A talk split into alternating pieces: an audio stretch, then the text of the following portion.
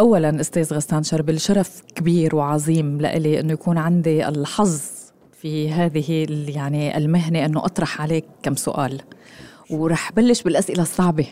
تفضلي. بعد عقود من العمل الصحافي. اولا اولا ماذا تسمي هذه المرحلة من حياة غسان شربل؟ أنا صحافي عندي شعور كل يوم بس روح على الجريده كأنه بالبدايات واو. بشعر بالتحديات.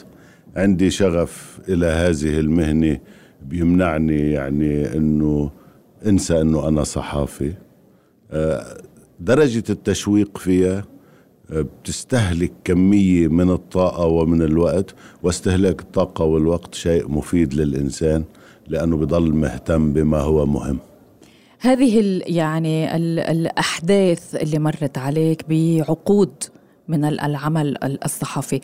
لا شك أنه كان فيها ساعات مثيرة جدا ساعات مهمة ساعات مؤلمة. عندك بعد نفس التعاطف مع كل الأحداث التي تمر وما هي يعني هذه الأحداث أو الساعات اللي مررت فيها؟ يعني أنا للأسف نحن من بلدان يعني بتدربك على التعايش مع المأساة مم. يعني أنا من لبنان وشاهدت الانهيار اللبناني الحرب اللبنانية اقتتال اللبنانيين الغزو الإسرائيلي التدخلات على الأرض اللبنانية وانهيار فكرة الدولة بلبنان فأنا بحمل لعنة انهيار فكرة الدولة وكلما انهارت الدولة بمكان يعني بشعر أنه شعب مرشح لآلام طويلة لأنه من السهل خسارة الدولة من الصعب استرجاعها آه شو شو كان يعني شو كان أكثر شيء مؤلم بهاي الأحداث اللي عم تحكي عنها بلبنان؟ أنا أثر فيك وما بتنساه أنا عندي آلام شخصية كصحافي م.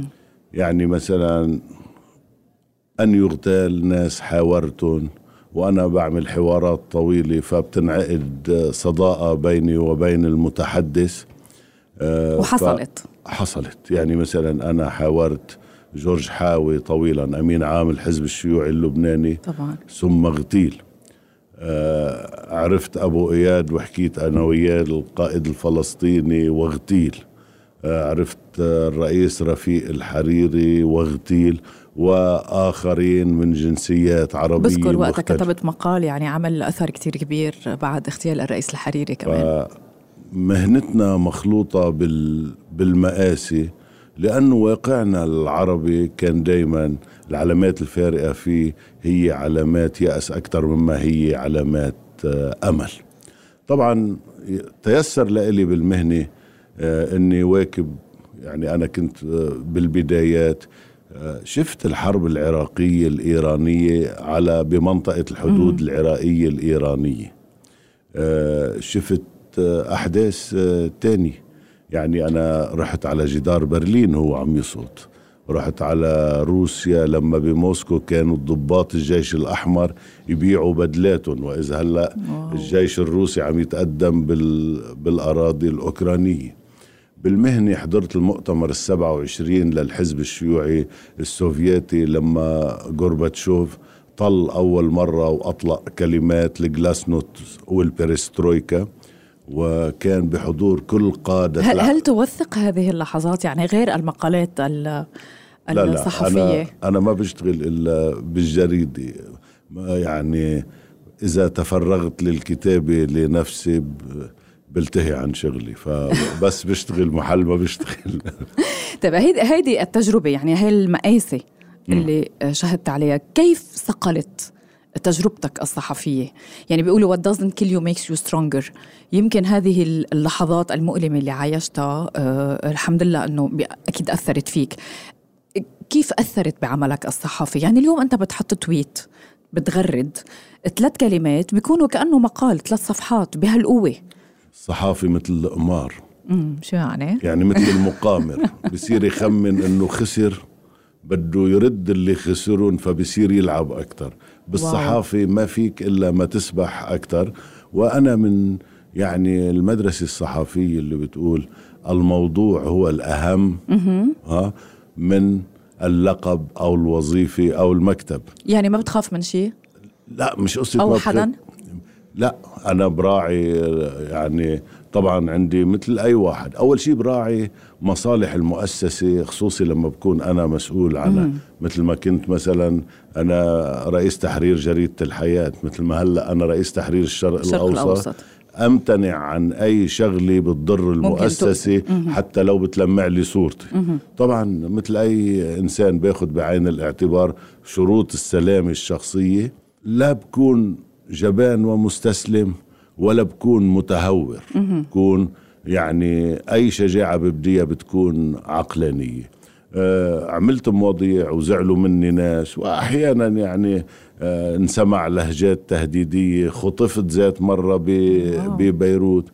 كنت أقتل ذات ليلة بضيعة صار فيها مقتلي وقتل فيها 53 شخص.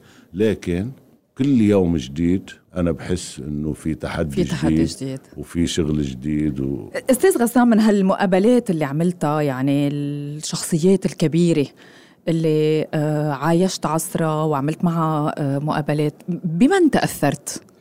مرات مش بالضرورة يكون الشخصية يعني مرات بتأثر بكلمة بموقف. أنا تأثرت الحقيقة قبل المقابلة لما التقيت الأمير محمد بن سلمان لقيت إنه عنده إطلالة أمل وثبت بعدين إنه هذا الأمل انتقل إلى شعبه وأن هذا الأمل من طبيعة معديه فصار هلأ بسافر أنا ببعض البلدان وأوقات خارج الحديث الرسمي أو بسمع مباشرة بينقال يا ريت فينا نعمل مثل محمد بن سلمان صحيح. وأوقات يعني في حدا قال لي والمجالس بالأمانات اللي عملوا بأربع سنين نحن بدنا 40 سنة صحيح لنعمله. صحيح فهو من الشخصيات اللي بعتقد بعدين لما يكتب التاريخ من الإطلالات الكبرى بالشرق الأوسط لأنه هو يطلق قوة مشدودة على المستقبل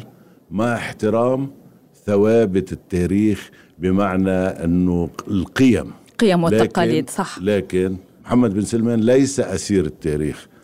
يعني أقرب إلى أن يكون أسير المستقبل بولعه بالتكنولوجيا بتحسين حياة الناس بدفع بلد في شيء غسان شربل قاله ل آه، آه، محمد بن سلمان فخور إنك قلت له إياه؟ تذكره؟ أنا لا أنا بالمقابلات بسأل الأسئلة الطبيعية ها؟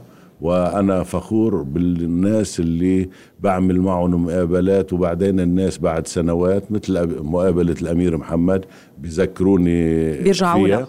وبعدين لما بلاقي الشخص اللي قابلته دوره متزايد و ماشي مع حركة التاريخ ما وليس معرقلا. أستاذ غسان في السياسة اليوم الوضع يعني الوضع في فلسطين هو الوضع اللي أخذ الحيز الأكبر.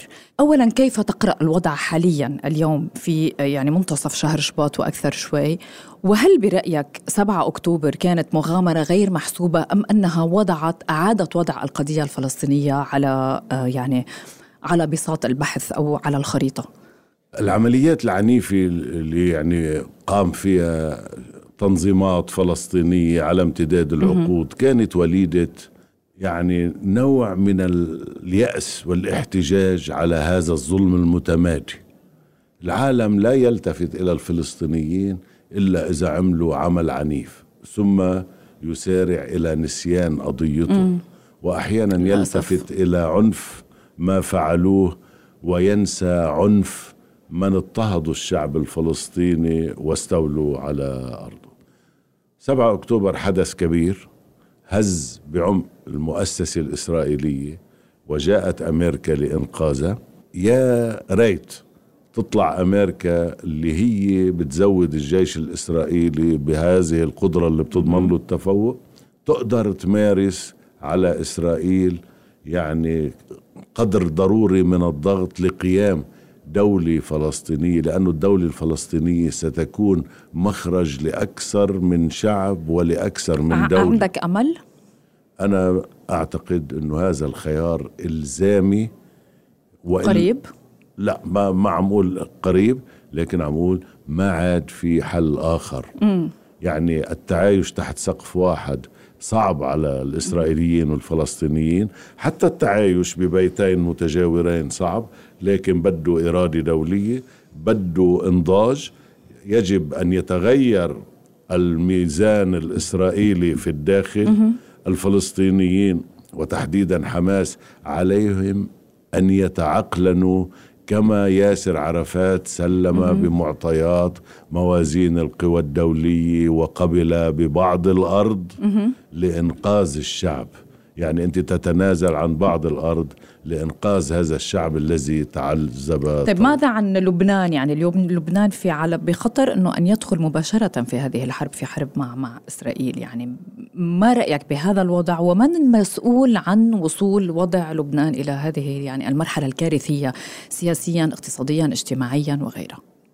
المسؤول عن الوضع في الحقيقة هو عدم تمكن اللبنانيين من إنقاذ الدولة من ترميم الدولة. لبنان أشبه بساحة مفتوحة وحتى سوريا. اليوم في غارات م. على سوريا. امبارح كان في غارات على سوريا. تحويل الدول إلى ساحات. ها؟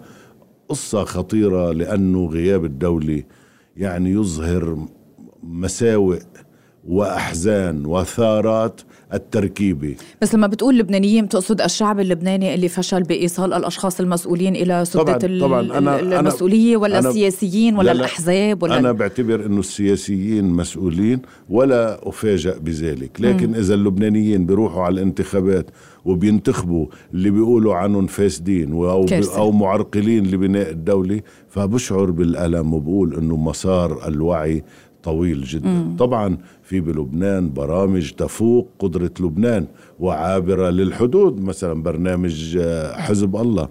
كيف بدي ترتبي تعايش بين دولة وبين مشروع عابر مم. للخريطة باتجاه الخرائط الثانية؟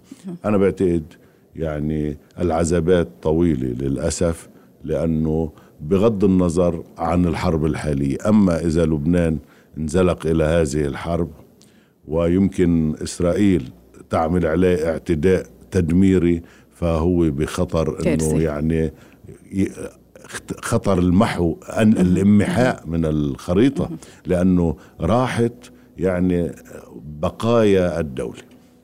عندي رغبة ضيف على الأشخاص اللي آه، قلتي لي الأشخاص أو الشخصيات اللي اللي قابلتها وتأثرت بما قالته أو فعلته. أنا تأثرت مثلا بحوارات أجريتها مع الزعماء الأكراد. أها. بجلال طالباني ومسعود بارزاني.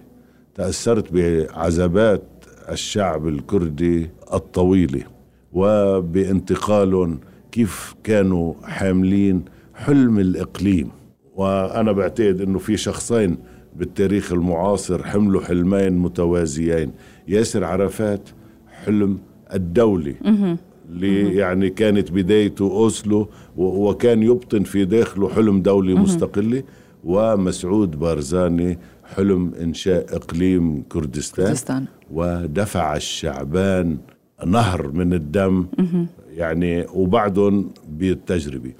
تأثرت برغبة رفيق الحريري يعني بأن يعني يستنهض لبنان آه وعبر البناء وعبر التعليم وعبر تأثرت بي يعني بكثيرين الحقيقة.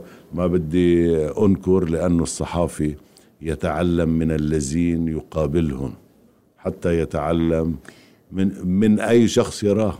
عندي آه، سؤال خارج سياق السياسي هل نحن تاريخنا بالعالم العربي محكوم دائما بشخصيات يعني ذكرت الرئيس الشهيد رفيق الحريري ذكرت آه، سمو ولي العهد محمد بن سلمان ذكرت ياسر عرفات يعني ذكرت عدة شخصيات. هل نحن دائما محكومون بشخصيات بأسماء؟ يعني هي بتكون القائد ولا ممكن نوصل لمحل يكون في أفكار عامة ل آه، يعني صحة هذا المجتمع وازدهاره ونموه والتقدم دون التعلق بشخص واحد. طبعا مع احترامي وإعجابي بكل الأشخاص اللي اللي ذكرت بس هل رح نتغير؟ ما بعرف إذا رح نتغير بس أنا بعتقد إنه لما بيكون في فكرة جاذبة وبتتحول إلى تيار مهما تحولت إلى تيار واسع تحتاج إلى شخص تتكثف عنده الآمال وبيكون عنده القدرة على التقاط على المنعطف وقيادة الناس حتى لمن يحكى أنه كل شيء لازم يكون شغل فريق وأنا مؤمن بأنه كل شيء لازم يكون شغل فريق لكن دايما إذا بتدقق النظر بتلاقي بالفريق شخص دوره تقريبا أقوى. العمود الفقري صحيح. لهذا سؤال أخير غسان شربل هل يخيفك الإعلام الرقمي الجديد؟ يعني أنت عاصرت العصر الذهبي للصحافة الورقية واللي بنحن لها لهلا بس اليوم في إعلام إعلام رقمي. هل يخيفك؟ كيف تواكب صحيفة الشرق الأوسط هذا التطور؟ آه نحن يعني أمام أكيد سئلت السؤال عدة مرات. لا لا نحن نحن أمام واقع لا مفر منه. أمام النهر لا تستطيع الانتظار على ضفة النهر. أنت تسبح فيه وتتعلم. أنا شخصيا أعتقد أن التكنولوجيا قدمت فرصة للصحفيين والكتاب للانتشار. بأن يذهبوا أبعد مما كانوا. طبعا في صعوبات أحيانا بالتكيف خصوصا أنه تسارع وتائر التقدم التكنولوجي الذكاء الاصطناعي. ففي كتير ناس عم يحسوا أنه عم تركض الدنيا ولح تنساهم لورا. أنا أدعو إلى الشعور بالتحدي إلى محاولة التكيف. إيجابي مرات صحيح. طبعا وأنا بعتقد إنه هذا هو المستقبل. التكنولوجيا بدها ترتكب جرائم ما في شك بس بدها تحسن حياة الناس. شكرا جزيلا على كل هذه الإجابات. على أمل يكون عندنا لقاء أطول وأحاديث أعمق لناخذ هالخبرة الطويلة. شكرا لك. شكرا لك. شكرا.